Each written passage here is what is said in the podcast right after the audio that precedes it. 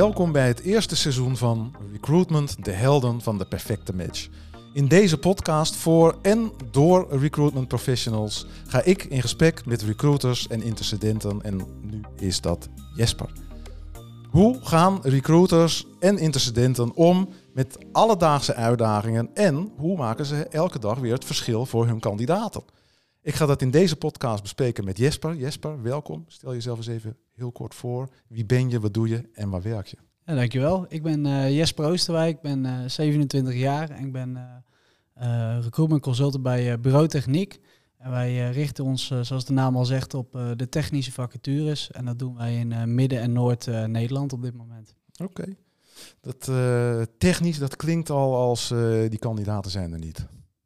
Ja, ja toch? Dat, ja, dat is, ja. Al, dat is, Al, bijna een ijsbreker die je ook uh, bij, de, bij onze opdrachtgevers hebt. Ja. Uh, en je ziet toch uh, met bepaalde marketing en specialisme dat je juist die doelgroep ook kunt aanspreken. Dat, nou, dat we daar zeker nog geen klagen over ah, hebben. Oké, okay, oké. Okay. Nou, dat, dat belooft een mooi gesprek te worden dan. Zeker. Eerst even terug naar jou. Hè, want je, je hebt nu heel kort gezegd hoe je heet en waar je werkt. maar wat heb je gedaan voordat je dit werk ging doen? Uh, ik heb uh, opleiding logistiek en economie gestudeerd. En uh, vervolgens ben ik bij DDF eigenlijk in gesprek gekomen. En dat is een, een holding met verschillende bedrijven. Daar ben ik gestart bij, bij Werkis als accountmanager. Dat is een generalistisch uitzendbureau. En nu zit ik dan bij Bureau Techniek. Dus eigenlijk okay. mijn hele carrière al wel in, in de recruitment gezeten. Ja, ja, ja.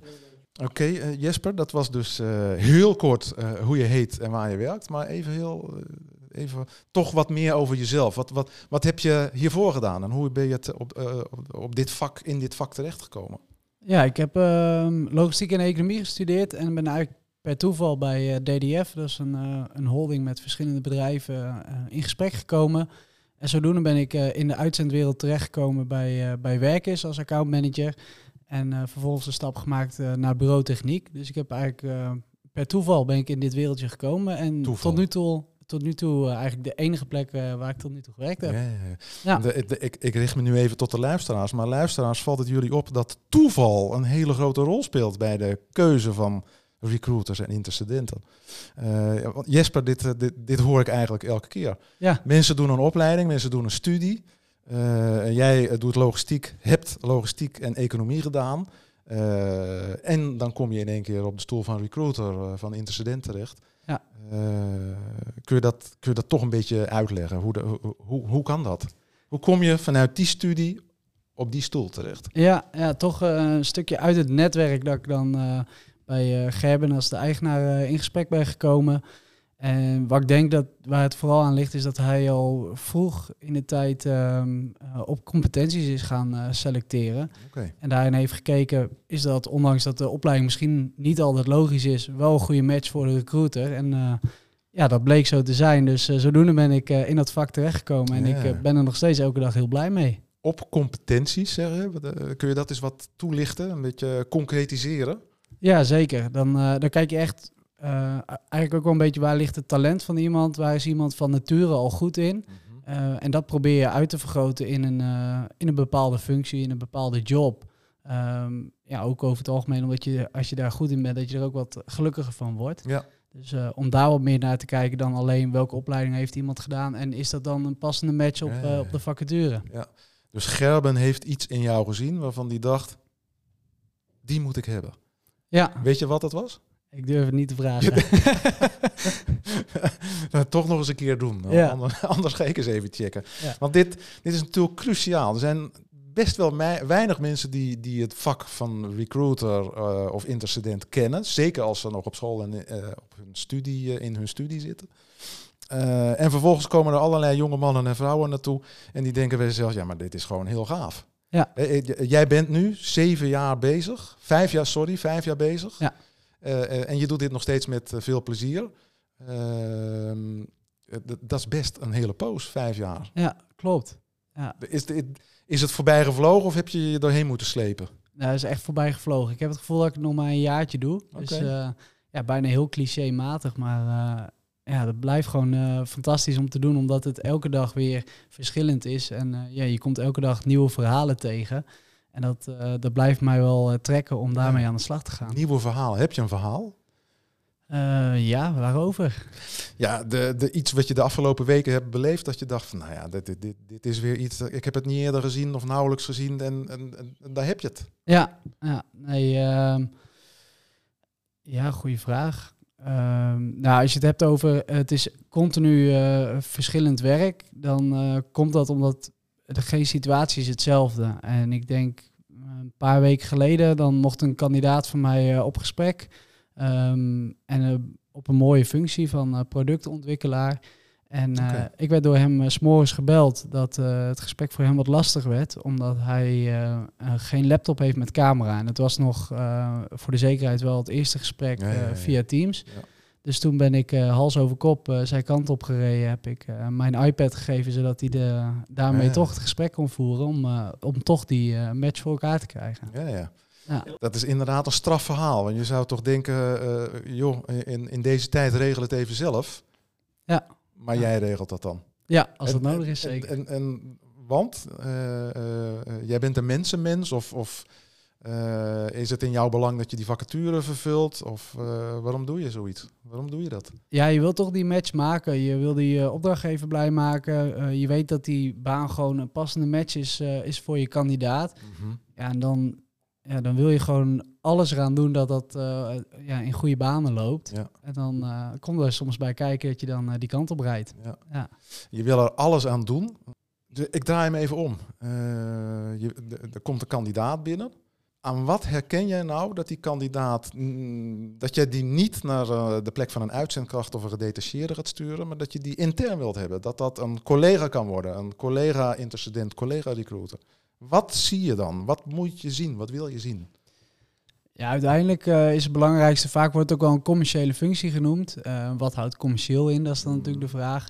Ik denk dat het gewoon is kansen zien en, en daarop inspelen. En dat kan heel breed zijn. En heel veel denken dat dat commercieel inhoudt dat je het alleen maar over prijsafspraken hebt. Mm -hmm. Maar dat is bijvoorbeeld ook, ja, ik heb die iPad thuis liggen. Waarom zou ik dan niet even die kant op rijden ja. om die kans te vergroten? Ik denk als je die drive, die mentaliteit hebt, ja, dan pas je heel goed in, uh, in deze omgeving. Als je ook veel met mensen natuurlijk wil werken. Dat ja. is het wel. En je bent ja. uh, continu in gesprek. Ja, ja, ja, ja.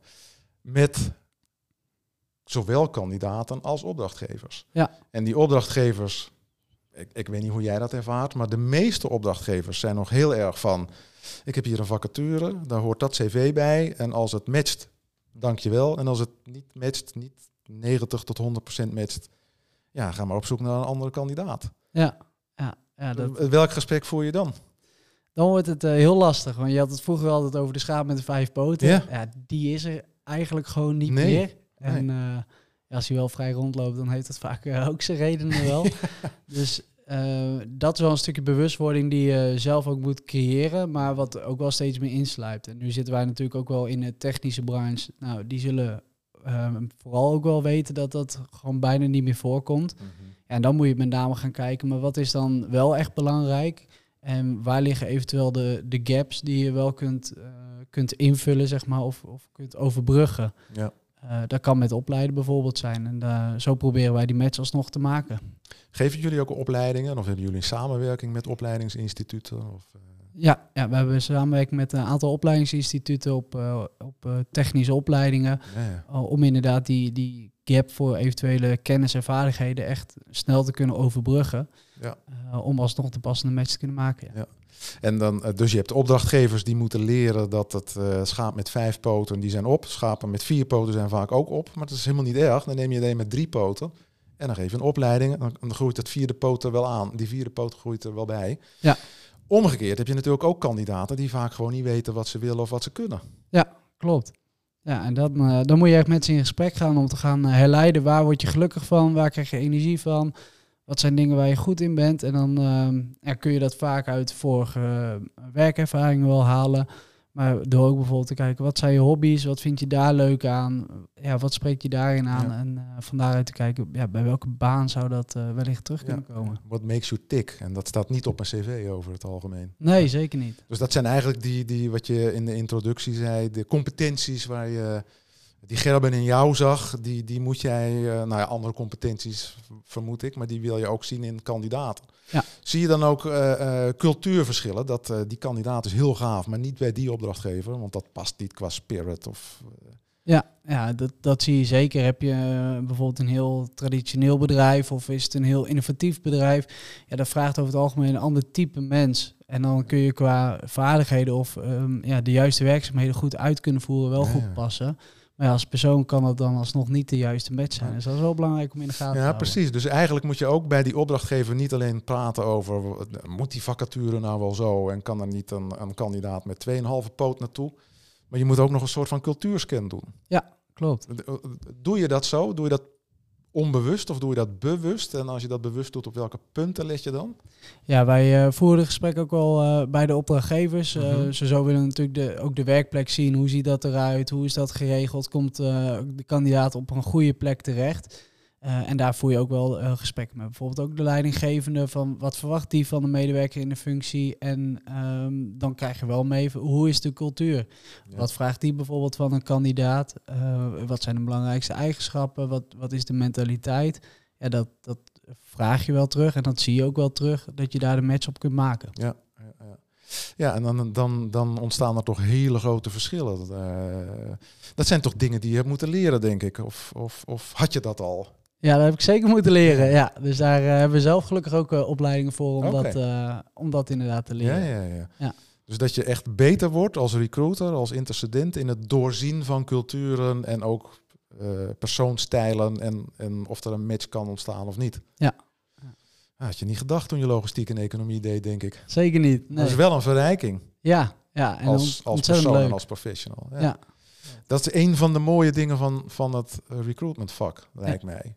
Ja, dat, dat soort dingen doorzien. Ja. Ik denk zelf ook dat cultuur misschien wel de meest onderschatte kwaliteit van, van organisaties is.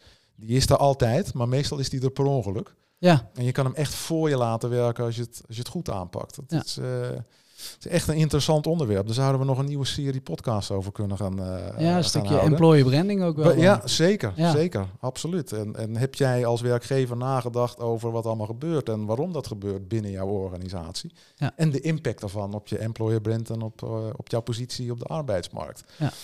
Dat zijn uitdagingen van werkgevers. Heb jij uitdagingen, of jij met je team uitdagingen waarvan je denkt: oké, dit is nou niet precies waarvoor ik dit vak ben gaan doen, maar ik moet het wel oplossen? Ja, wekelijks of uh, af en toe? Of...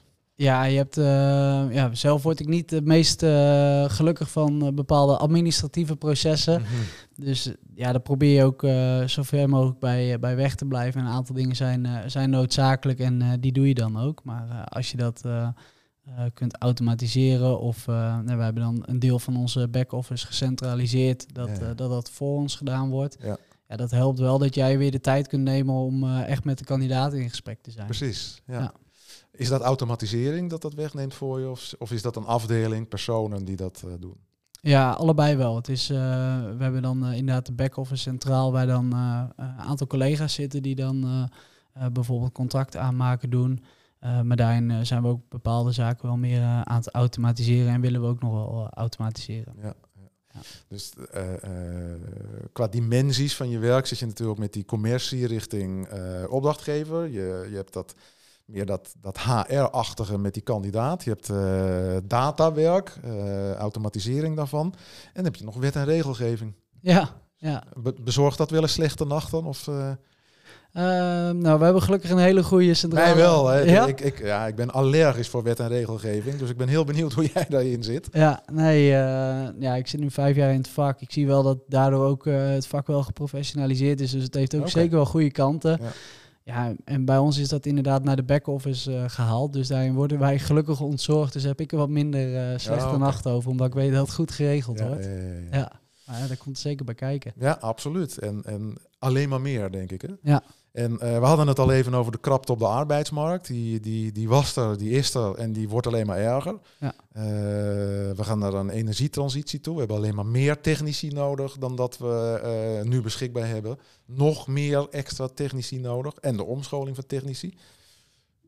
Hoe, hoe anticipeer jij daarop? Hoe anticipeert je team daarop? Ja, dat echt wel met name ook het stuk opleiden. Um, ja, dat zijn uh, natuurlijk ook uh, mensen die van school komen en nog door willen leren. Dat dat uh, via um, werken en leren kan. Ja, ja. Maar ook veel zij-instromers die je de mogelijkheid biedt om, om het werk te gaan doen. Zij-instromers? Ja. Van De, de, waar komen die vandaan?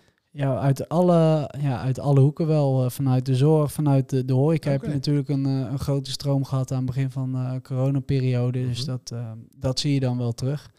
Ja, en ja, dat is wel noodzakelijk om, uh, om inderdaad het gat, het tekort uh, in te gaan vullen. Ja. En dat is heel goed mogelijk. Ja. ja. En met die zijinstromers is toch, de, de, dan moet je, je moet kijken naar de hard skills. Dus dat is toch cv-achtig werk. Heb jij in je opleiding of in je ervaring iets zitten dat best wel technisch is? Of aanleg voor die techniek? En, en ook weer die soft skills een zijinstromer is volgens mij nog ingewikkelder dan een gemiddelde kandidaat. Ja, ja klopt. Ja, en uh, nou, bij zijinstroom moet je ook vooral wel naar de soft skills kijken. Want over het algemeen zal die niet direct uh, uh, de werkzaamheden gedaan hebben, dus die ervaring niet ja, hebben. Precies. Maar dan moet je vooral kijken, heeft iemand de motivatie er? Ehm, heeft hij de drive om, om het te leren? Wil hij daar zelf ook in investeren? Want die gaat er natuurlijk ook tijd in investeren. Dus dat is nog meer mensenwerk dan gemiddeld. Ja, ja, klopt. En, en die, de, wat is zo'n beetje de leeftijdsrange waar die, waar die zij-instromers in zitten? Dat, uh, ik heb de cijfers niet paraat. Nee, maar dat zijn, gaat... dat, zijn dat dertigers, veertigers? Dat, dat kunnen ook vijftigers zijn, denk ik. Ja, zeker. Ja, dus ja. Dan, uh, ik vraag het je, want het, het, is natuurlijk nog zo'n valkuil die op ons ligt te wachten op de Nederlandse arbeidsmarkt. Dat is de vergrijzing ja. van ons bestand. Niet de vergrijzing buiten de arbeidsmarkt, dat gebeurt sowieso. We krijgen veel meer mensen in, in, in de 75-plus categorie. Maar ook onze eigen mensen worden steeds ouder. En werkgevers zijn nog niet gewend om met ouderen te dealen. Nee, nee. hoe ouder, hoe onaantrekkelijker. Uh, wij willen jonkies. Ja. Die uh, zijn gedwee en die zijn flexibel en die hebben net een diploma gehaald. Uh, topvolk. Maar ja, ja. we moeten ook die ouderen houden. En zeker die instromer, of die zij-instromer, die is vaak net wat ouder. Ja. Ja, je ziet bijvoorbeeld ook wel dat dat rond, uh, rond de 50 bijvoorbeeld ook wel veel voorkomt. Uh, dan moet je ook gewoon nog 15, nou reken maar op 20 jaar tegen de tijd dat je ja, daar bent, dat je nog exact. moet werken. Dus dan kan het zeker wel interessant zijn om uh, alsnog om te scholen naar iets wat je leuk vindt Absoluut. om te doen. Ja. En aan het begin zeg je inderdaad, naar mij, vijf jaar is al een hele lange poos. Ja, moet je nagaan als je Ja. nog twintig jaar door moet. Moet. Hè? Ja. Dat is erg hoor, als je nog moet. ja. Ja, maar dan eh, is het ook voor de werkgever wel eh, goed om inzichtelijk te krijgen. 20 jaar is heel lang, dus dan is het zeker interessant om daar een uh, van te nemen. ja, zo is dat. Ja. Hoe reageren werkgevers daarop? Eh, ja, die, ja, je moet ze soms daar wel ehm, eh, in meenemen, omdat, omdat eigenlijk dit rekensommetje wel eh, voor te leggen. Ja.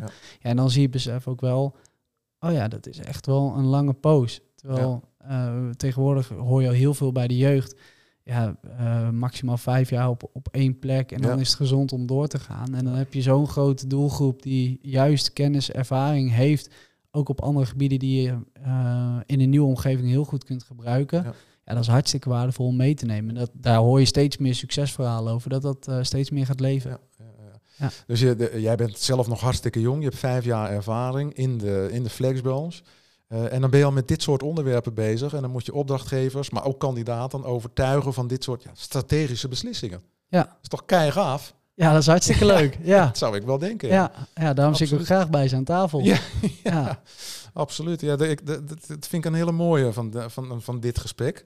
Eh, het is meer dan alleen maar mensen verder helpen, opdrachtgevers verder helpen. Het is ook een nieuwe toekomst in helpen eigenlijk. Ja, ja weet je, je- ja, je werk is zo'n groot onderdeel van je leven. Ja.